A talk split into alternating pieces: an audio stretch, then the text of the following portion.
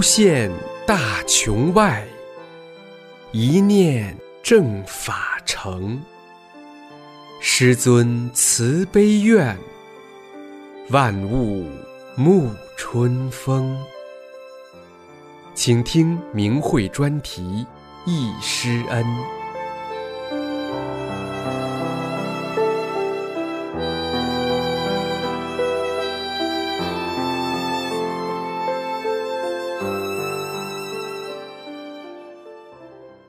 留得清白在人间。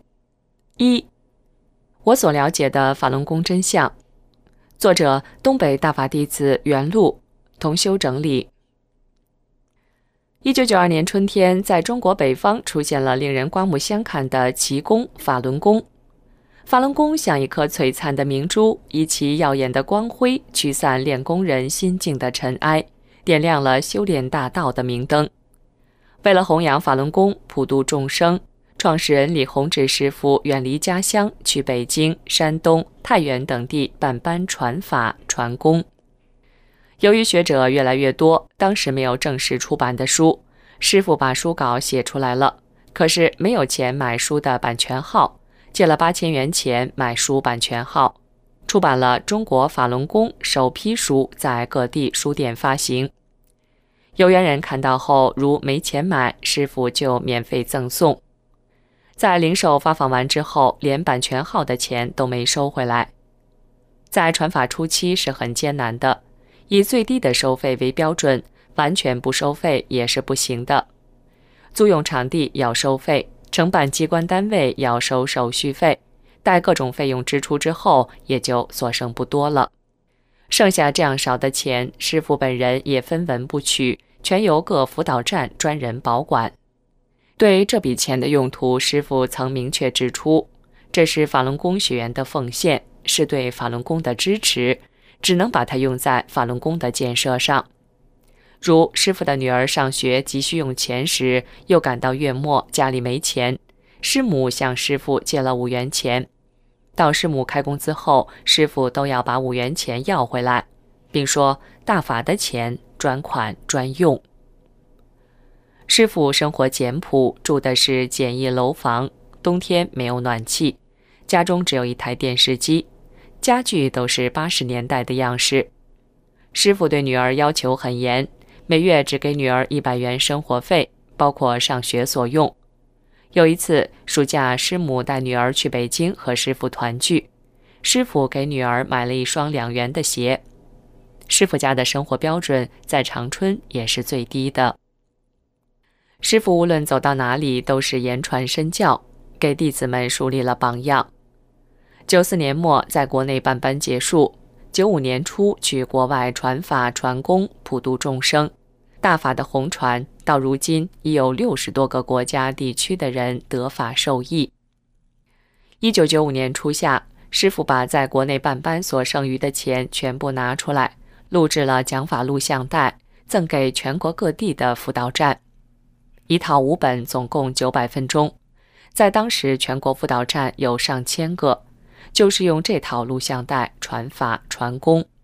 几年之后，是上亿人得法受益，身心健康，道德回升，精神文明，思想素质迅速提高，这是有目共睹的。师傅为国家、为人民、为人类做出了用语言无法表达的无量功德，功德无量。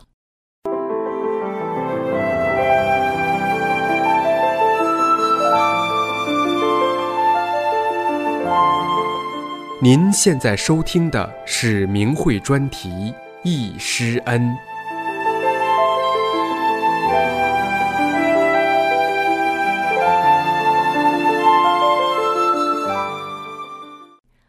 一九九二年春天，师傅开始在全国各地讲法传功。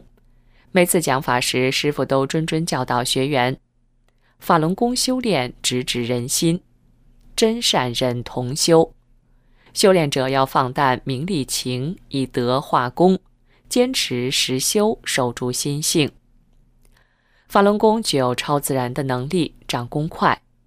因为每个学员身上都有师傅给下的法轮、气机、机制等修炼系统，这是用多少钱都买不来的无价之宝。正因如此，法轮功吸引着无数有缘之士纷纷走入修炼之门。我就是其中一个耳闻目睹了许许多多真切神奇之事的有缘修炼者。想起过去一幕幕师傅妙手回春的，使许多病危学员起死回生、感人至深的场面，至今不能忘怀。师傅开始讲法传功很不容易，因为当初参加学习班的学员多数是有病的，为了祛病健身而进来的。在学习班上，对师傅讲的法理还听不太明白，不能完全理解，就知道好有道理，爱听。每次身体都会发生很大的变化，感觉到了无病一身轻，受益匪浅。因此，不论师傅走到哪里办班，总有许多人一个班接着一个班跟着听。到最后明白了师傅讲的法理时，由祛病健身走上了真正修炼之路。我的亲戚家住长春市，和师傅同在一个地区。九二年夏天患肠粘连，住进医院。医生说手术很难下手术台，因为以前曾经做过两次手术，用药无效，又无其他治疗办法，无奈只能等死了。家人很着急，四处寻求医治办法。他同单位的法轮功学员告诉，咱长春有位大气功师。李大师正在办讲法传功学习班，在学习班上有许多学员疑难病和危重病人，经李大师调整净化身体后，都奇迹般好了。现在第四期班已经结束了，过两天要去北京。亲属听后就让这位学员求李大师给他看一看。经这位学员跟师傅介绍后，师傅同意患者到他家里去。家人把已经不能走路的病人打出租车搀扶到师傅家，师傅非常热情，一边同病人交谈，一边打开窗户，用手在病人病灶部位一抓，然后往窗外一扔。紧接着，师傅端来一个水果盘，拿来一个香蕉给病人吃。病人说不敢吃，已经七天没吃东西了。在场的学员说：“师傅让你吃，你就吃，不要怕。”病人就吃了一个，没疼；又吃了一个，没疼。这时，我亲属的太太明白了，忙跪下给师傅磕头，感谢师傅救命之恩。师傅把亲属的太太扶起来，亲属给师傅钱表示酬谢。师傅说：“我一分钱也不要，回家多练功吧。”回家后，病人饮食一切正常，也能走路、骑车。带着对恩师的感激之情，亲属的全家人都参加了师傅在长春举办的第五期讲法传功班。一班下来后，身心发生了很大的变化，世界观也发生了很大的转变。那几年来，这位学员全身心投入了助师弘法、救度有缘人得法受益，义务自费背诵大法书，带动了家乡很多人得法。在修炼路上，坚信大法，坚信师傅，跟随师傅在大法中修炼，无以回报师傅救命度化之恩。一九九三年六月，师傅回长春办第六期学习班，我的这位亲属又把妹妹从外地接到长春，准备参加这次学习班。因妹妹患心肌膜脱落，走路非常困难。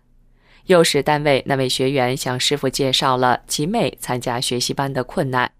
在开班的前一天，师傅亲自打出租车来到我的亲属家，给其妹调整身体，净化到能自行走路。在医院换心肌膜需要十多万元，而师傅今天神奇般给治好了，亲属家人惊叹不已。师傅微笑着跟亲属家人说：“不信到医院检查去。”出于惊奇和感激之情，亲属家人带着妹妹到医院一检查，心肌膜补上了，一切正常。之后，亲属带着能走路的妹妹参加了师傅讲法传功学习班。十天班下来后，身体的病症全消失。回家后，生活能自理，而且能料理一些简单的家务。一张门票节省了十多万元，而且患者没有任何痛苦，神奇般的好了。通过这件事，使其妹的亲朋好友为之赞叹，都说法轮功太神奇了，纷纷表示有机会也要聆听李大师讲法，修炼法轮大法。后来真的如经文悟，两两相继而来，入道得法，许多人走上了修炼之路。九二年到九三年年底。师傅参加了北京举办的东方健康博览会，在会议期间，义务为有缘之士调整身体治病，在社会普及法轮功。亲属听说后，又带着邻居患癌症病人及朋友来到北京，凭着出版社的地址，在北京找了一个星期，才找到左家庄会场。师傅在博览会期间创造了许多奇迹。如家乡患癌症的这位朋友已经不能行走，被家人抬着来到会场，经师傅调整、清理、净化身体后，当时就能神奇般的下地行走了。又比如，有位因坐公交车急刹车不慎摔伤致瘫的北京妇女孙宝荣，在医院病床上躺了一年，由家人背到会场，在师傅给她调整后，奇迹般的站起来了。而且能走路了。从此以后，师傅不论到哪儿办班，他都跟着听。师傅在长春办第七期学习班时，我见到了他，身体健康，显得很年轻。还有一位男学员，三十多岁，弓腰九十度，经师傅现场给他调整身体，随着脊椎骨咔咔作响，慢慢腰直起来了，和正常人一样了。师傅的法力和功力神奇无比，像这样的危重病人、疑难病患者，在博览会期间，师傅给治好了的数不胜数，赢得了广大群众好评，因而获得了九三年东方健康博览会最高奖——边缘科学进步奖，荣获受群众欢迎气功师称号。师傅把第二场报告的全部收入捐给中华见义勇为基金会。一晃十年过去了，自己经历的一件件、一桩桩，记忆犹新。师傅慈悲苦度众生，呵护着每一个有缘之士，付出的太多太多了。而师傅不图学员弟子一点回报，只要学员弟子一颗修炼的心，挽救着我们，保护着我们，走好每一步。虽然在修炼的路上，我们遇到了狂风恶浪。都没有动摇紧随师傅回家的决心，信念更加坚定。您现在收听的是明慧广播电台。您现在收听的是明慧广播电台。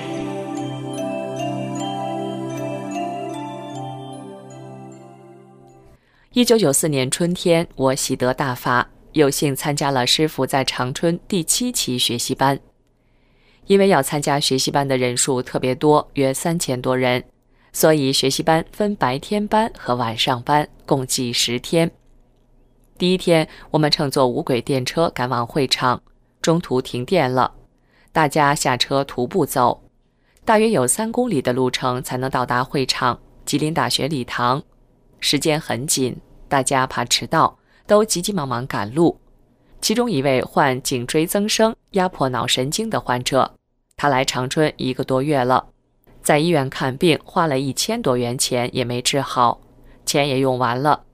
听说师傅办班，也就跟着来了。说来神奇，让病痛折磨难忍的这个患者，却和大家走得一样快，头也不觉得疼了，一切不适症状全消，进课堂后全好了。原来一路师傅给他调整身体，十堂课下来和健康人一样。在学习班的日子里，每天课后休息时，我们一些学员都围站在师傅身边看师傅。师傅气质非凡，与众不同，身着一套灰色西装、白衬衣，特别年轻。师傅总微笑着与学员交谈。每天课后结束时，我们都久久不愿离去。只想在师傅身边多待一会儿，多看师傅一眼。每次都等师傅上车了，我们才离开会场。五月一号那天上午，主办单位根据学员的要求与师傅合影留念，师傅欣然同意了。每个地区的学员按顺序站好，师傅一组接一组和我们合影。当滨河地区那组合影时，有一位六十多岁的男学员，头发全白了，他坐在前排小板凳上。师傅走过去问他为什么坐着，那学员说站不住。师傅叫他到后排站着。当合影结束后，师傅走过去和那位学员握手，并让他把拐杖扔了。那学员没明白过来，他太太把拐杖扔了。师傅让他往前走，他就像小孩一样一步步向前走，在场地走了好几圈，一边走一边乐。从那天起，就再也不用拐棍儿了，每天自己走入会场，生活也能自理了。这样的事例太多了。师傅说：“我觉得能够直接听到我传功讲法的人，我说真是，将来你会知道，你会觉得这段时间是非常可喜的。是啊，正因为有了这段不平凡的经历，使我目睹了师傅的慈悲苦度、伟大的人格丰碑、觉者的胸怀。也正因为有了这段难以忘怀的经历。”不断激励着我在修炼的路上勇猛精进，走好自己的每一步，完成自己的史前大愿。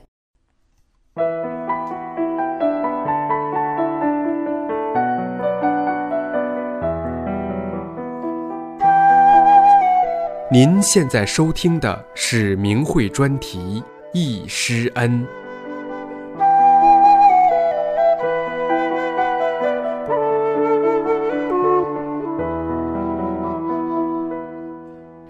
那是一九九八年七月二十六号，我以一名辅导员、老学员的身份，非常荣幸地参加了师尊在长春辅导员法会讲法，亲自聆听了师尊对辅导员、老学员的嘱托和那无限深情的教诲及期望。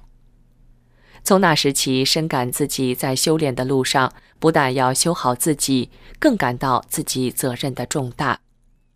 每当拿起在长春辅导员法会上讲法这本书时，总是忘不了那一幕幕激动人心的场面，耳边回荡着师傅那谆谆教诲，总是热泪夺眶而出。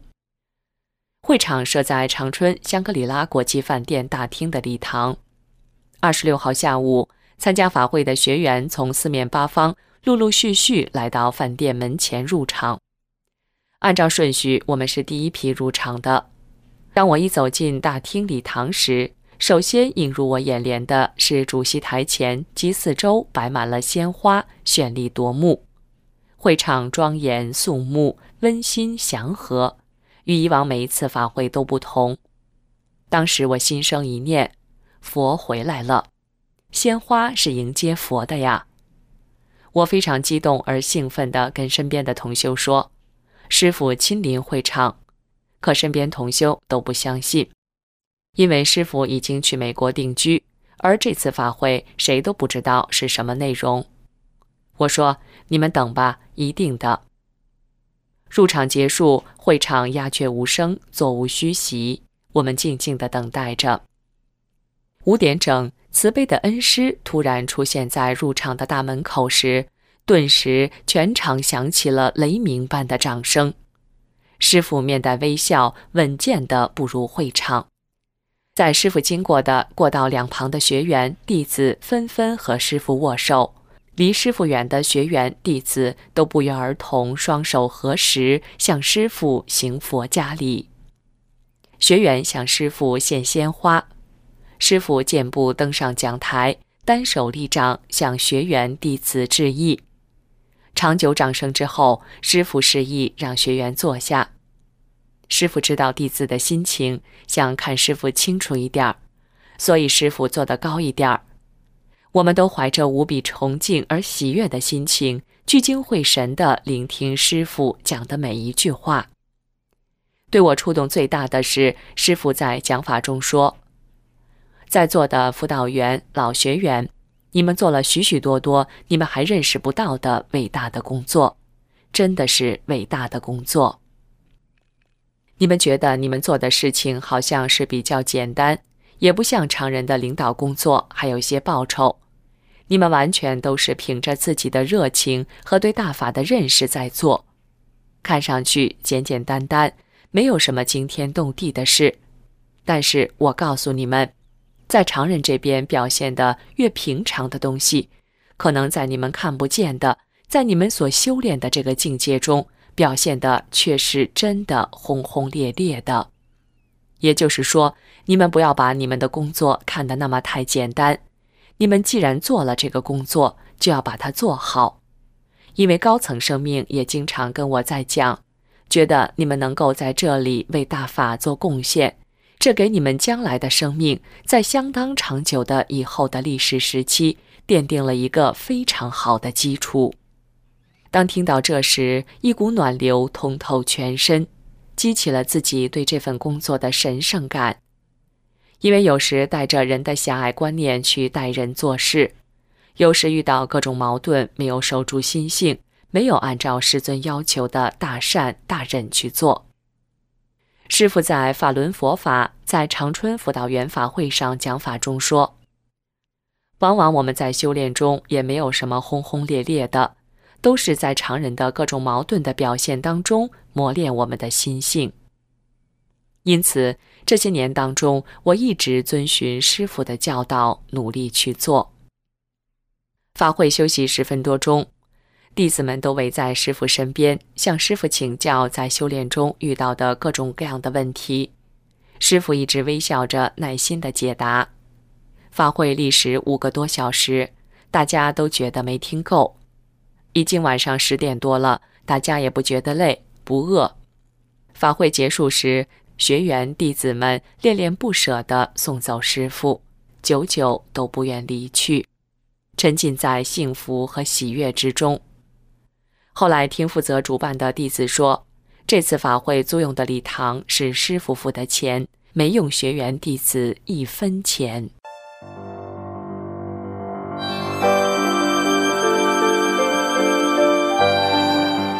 这一期的易师恩就到这里。谢谢收听。